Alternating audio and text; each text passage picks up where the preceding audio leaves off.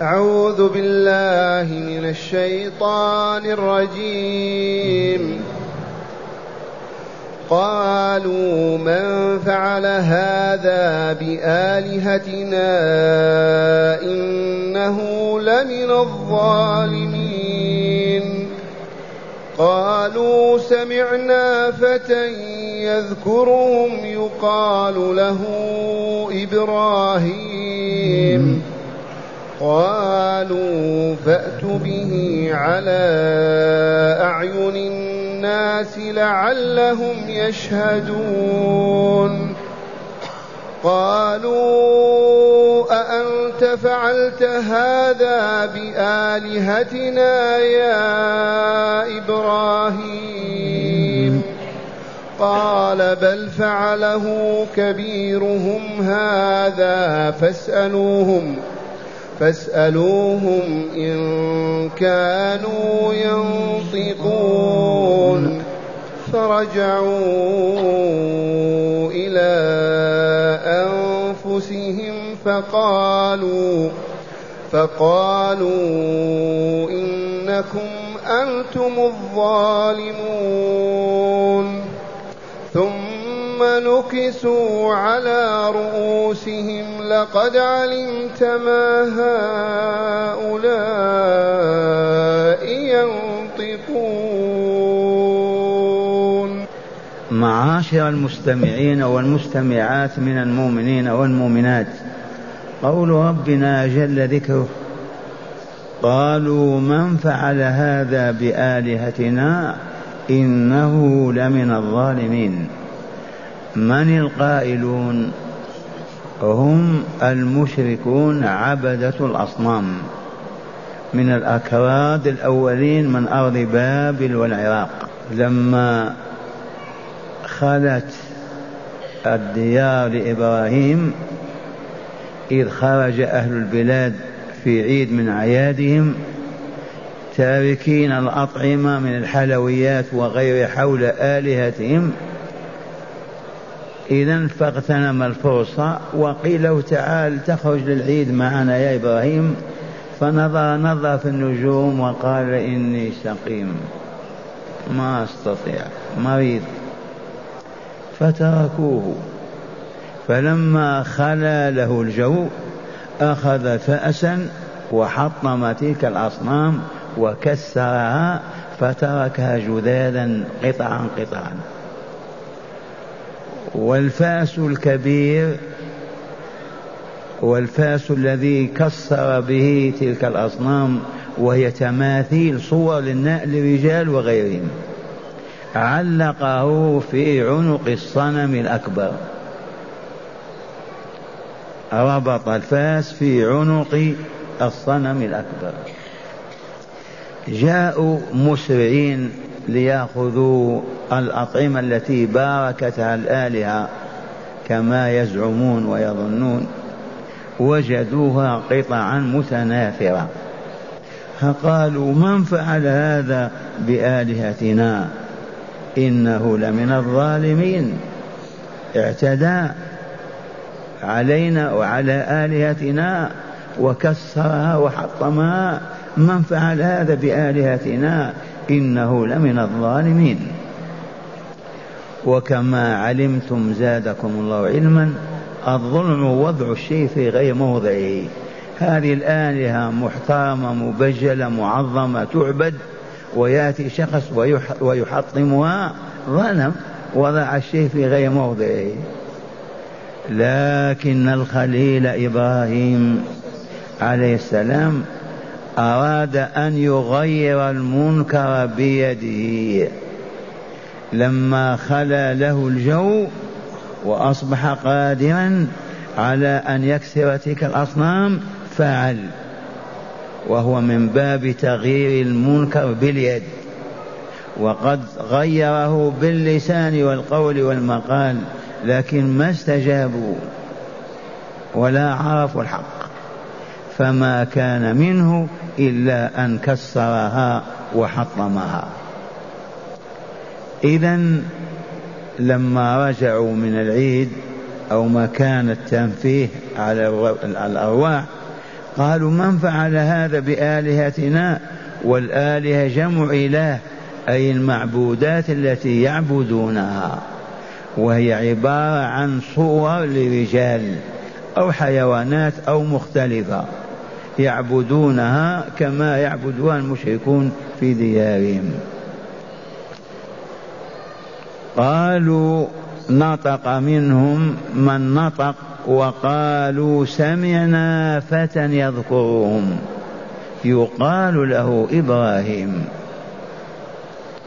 بعض الحاضرين كان حضر مرة مجلس إبراهيم وهو ينكر عبادة الأصنام ويقبحها ويدعو إلى تركها. قال سمعنا فتى يذكرهم وإبراهيم يومها فتى. ما هو بشيخ كبير. والفتى قوي البدن قادر على أن يفعل الذي هو صعب. يقال له إبراهيم. هذه الكلمة قالها بعض الحاضرين. سمعنا فتى يذكرهم أي هذه الآلهة بغير رضا يقال له إبراهيم. وتذكرون أن إبراهيم باللغة العربية اب رحيم. بالعبرية إبراهيم إبراهيم عربي والأب الرحيم المعنى هذا والاسم هو إبراهيم ونزل القرآن به وحدث به رسول الله صلى الله عليه وسلم وعرفه العرب في جاهليتهم وخاصة أولاد إسماعيل. إذا قالوا فأتوا به. ما دمنا عرفنا من كان ينقد أو يطعن أو ينكر هذه الآلهة. إذا هذا هو الذي فعل أو من الجائز. أن يكون هو الذي فعل إذا فأحضروه فأتوا به. ولكن على أعين الناس لا تأتوا به في سرية وخفية وتقولون فعلت وفعلت لا بد وأن يؤتى به أمام الجمهور ليتبين الحق. هم يبحثون عن الحق. إي نعم. بالامس قلت لكم كفار المشركين قبل البعثه المحمدية يعتبرون أشرف الكفار. لما لهم من كمالات؟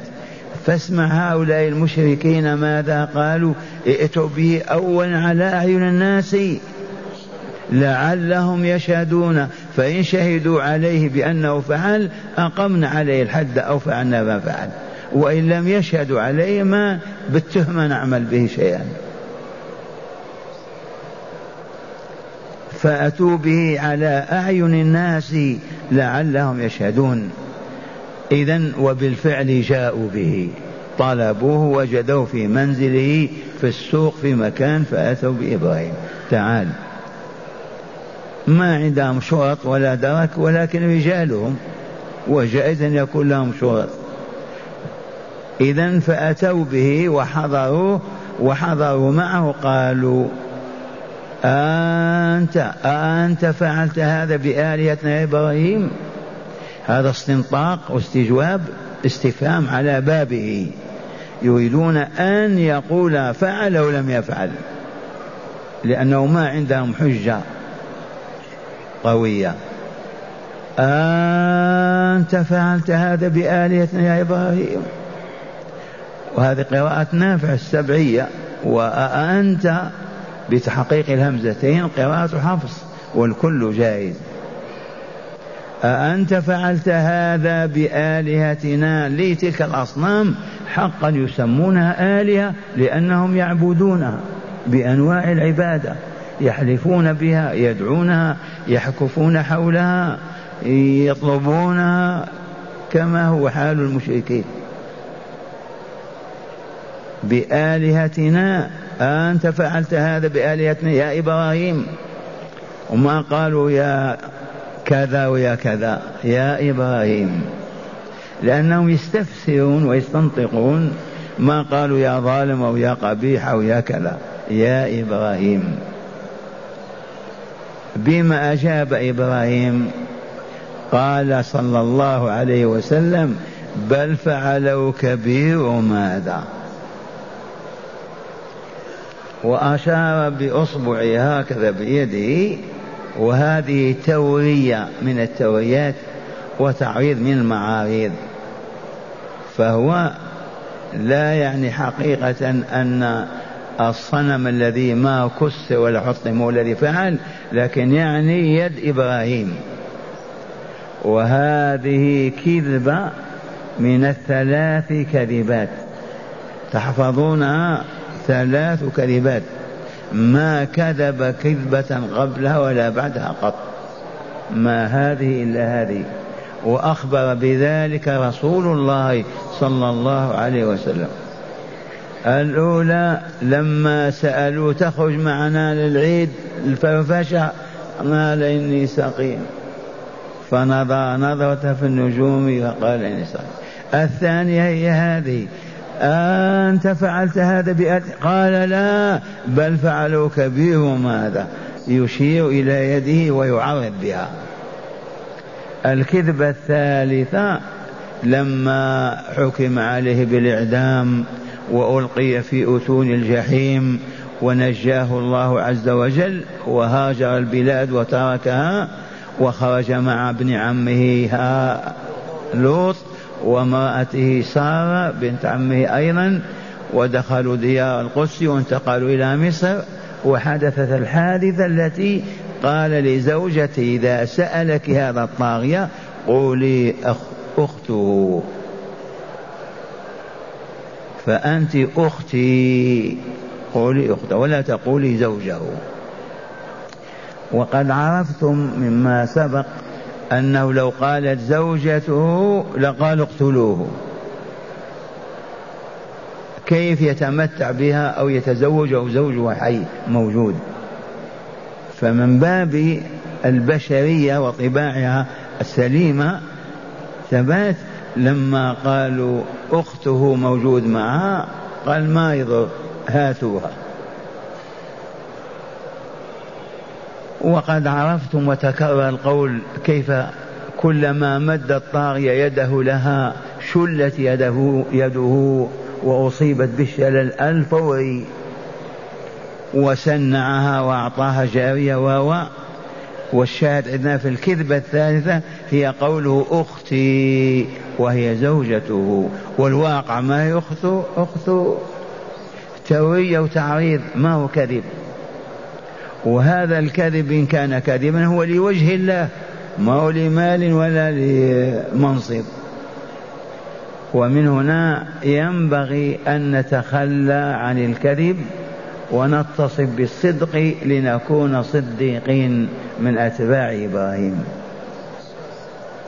ومن حصلت له عارضة عارضت له أن يوري ليخرج من الفتنة.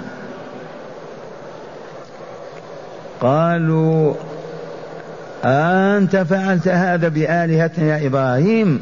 قال بل فعلوا كبيرهم هذا فاسألوهم إن كانوا ينطقون. بل فعل هذه الأصنام وكثر صنامهم هذا لأنكم تبجلون وتعظمون دونهم فلهذا ما رضي أن يعبدوا معه فحطمهم بل فعل هذا كبير ماذا؟ غضبا من عبادتهم وهم ليسوا بأهل لها إذا وهو يعبد معهم. إذا فاسألوهم إن كانوا ينطقون. فهنا أقام الحجة عليهم. كيف تعبدون من لا ينطق؟ قالوا كيف نسأل من لا ينطق؟ كيف تعبدون من لا ينطق؟ وهل ينفع أو يضر وهو ما ينطق. وياتي من ياتي ويكسر ويحطم ولا يدفع عن نفسه الشر والأذى. كيف يدفعكم أنتم؟ فكانت الحجة بالغة. عجب. فاسألوهم.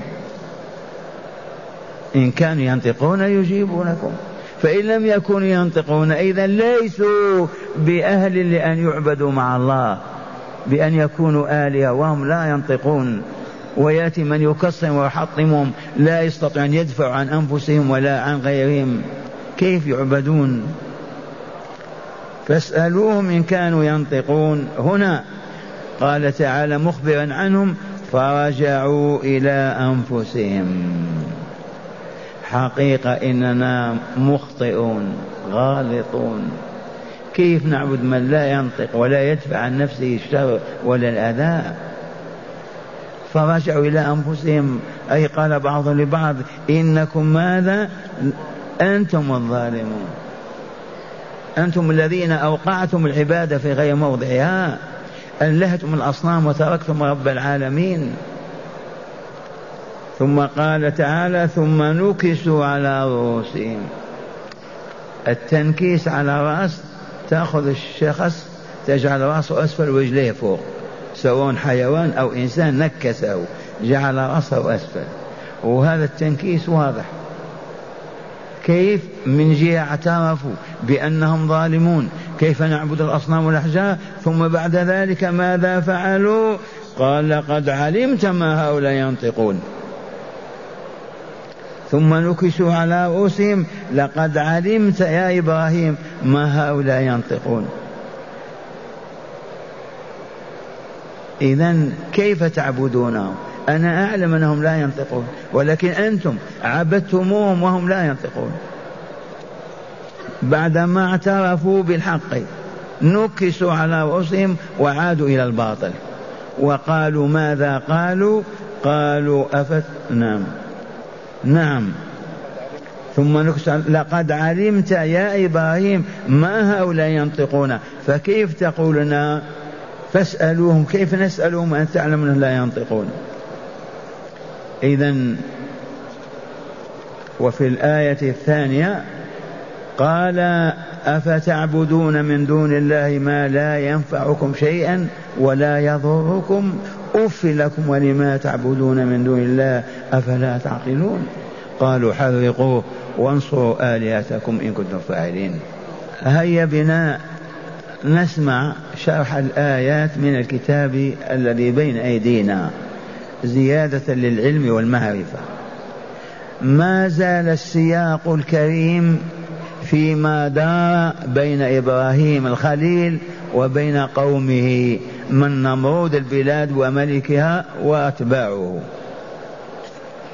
من حوار دار بينهم حوار وإلى لا أي قالوا وقال قال وقالوا. هذا هو الحوار. حول العقيدة. إنه لما استغل إبراهيم فرصة خروج القوم إلى عيدهم. كما علمتم.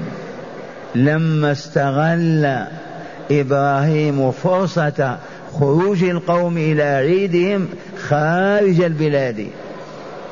ودخل البهو الساحة التي فيها الآلهة بهو. ودخل البهو فكسر الآلهة فكسر الآلهة فجعلها قطعا قطعا متناثرة هنا وهناك. وعلق الفأس بكبير الآلهة المزعومة. وعلق الفأس في عين في عنق ماذا؟ وعلق الفأس بكبير الأهلة المزعومة وعظيمها وخرج وتركهم. فلما جاء فلما جاء المساء وعادوا إلى البلد من نزهتهم وعادوا إلى البلد ذهبوا إلى الآلهة المزعومة. لما ذهبوا إليها مباشرة؟ لأخذ الطعام لأخذ الطعام الموضوع بين يديها لتباركه في زعمهم واعتقادهم. وهذا حصل لعوام المسلمين يجعلون هذا عند الأولياء. يقينا لا تشك في ذلك. يأتي بحليب أو بتمر أو بكذا عند الضريح يقول خليه الليلة ليبارك غدا ناخذه يفعلون. وهذا شأن من لم يعرف فقط. أما من عرف فإنه لا يضل ولا يشقى. ولكن ما داموا ما عرفوا يفعلون هذا. لما أسلم من أسلم منه يفعل هذا لو يقطع قطعا ما يفعل هذا. الجهل.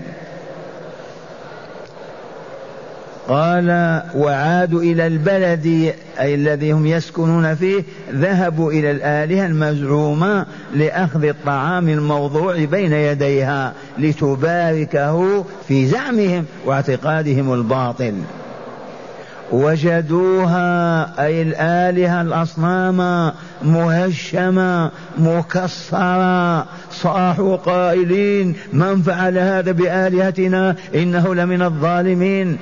من فعل هذا بآلهتنا إنه لمن الظالمين؟ ما قال واحد وإلا عشر. كلهم صاحوا. كل الذين حضروا ليأخذوا الطعام. صرخوا هذا الصراخ. سبحان الله. كيف بلغنا هذا نحن؟ كم المسافة الزمانية أكثر من ستة آلاف سنة. كيف حصلنا على هذا؟ قولوا آمنا بالله.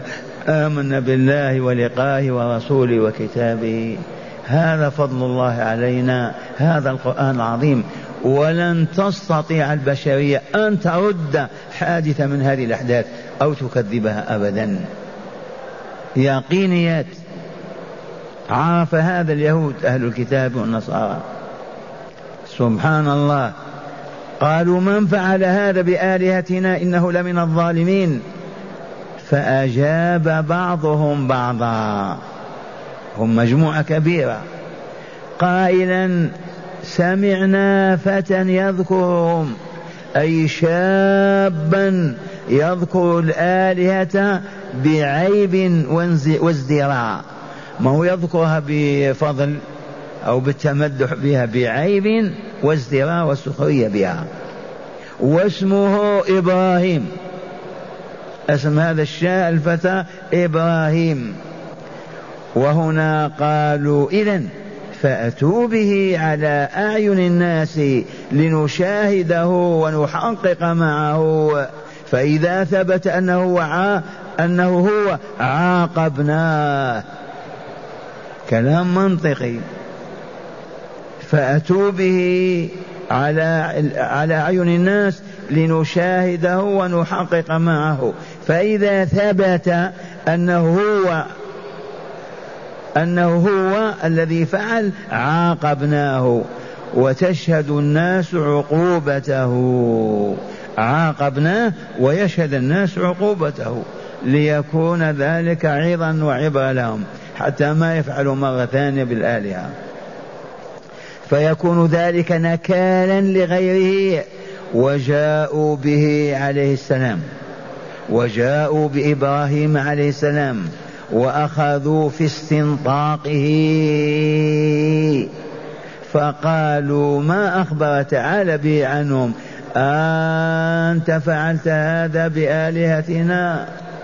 أنت فعلت هذا بآلهتنا هذا؟ أي التكسير والتحطيم يا إبراهيم.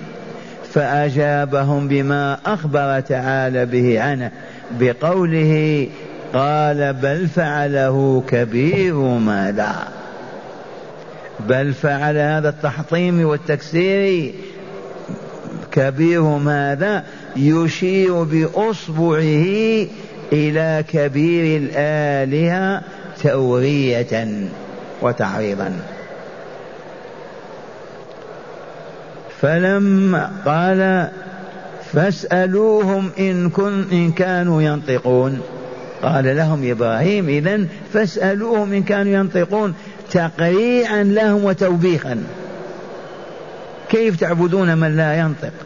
اسألوهم إن كانوا ينطقون تقريعا لهم وتوبيخا. وهنا رجعوا إلى أنفسهم بالملامة باللوم والعتاب فقالوا إنكم أنتم الظالمون. أي حيث تؤلهون ما لا ينطق ولا يجيب ولا يدفع عن نفسه فكيف يكون إلها تعبدونه؟ وقوله تعالى ثم نكسوا على رؤوسهم أي قلبهم الله رأسا على عقب فبعد أن عرفوا الحق ولاموا على أنفسهم عادوا إلى الجدال بالباطل فقالوا لقد علمت أي يا إبراهيم ما هؤلاء ينطقون؟ اعتراف منهم فكيف تطلب منا أن نسألهم وأنت تعلم أنهم لا ينطقون؟ كما أن اعترافهم بعدم نطق الآلهة المدعاة انتكاس منهم إذا اعترفوا ببطلان تلك الآلهة فهم منتكسون. فهمتم معاشر المستمعين؟ لو نقرأ عليكم الآيات مرة ثانية تفهمونها اسم قالوا من فعل هذا بآلهتنا إنه لمن الظالمين. قالوا سمعنا فتى يذكرهم يقال له إبراهيم. قالوا فأتوا به على أعين الناس لعلهم يشهدون. قالوا أأنت فعلت هذا بآلهتنا إبراهيم؟ قال بل فعلوا كبيرهم هذا فاسألوهم إن كانوا ينطقون.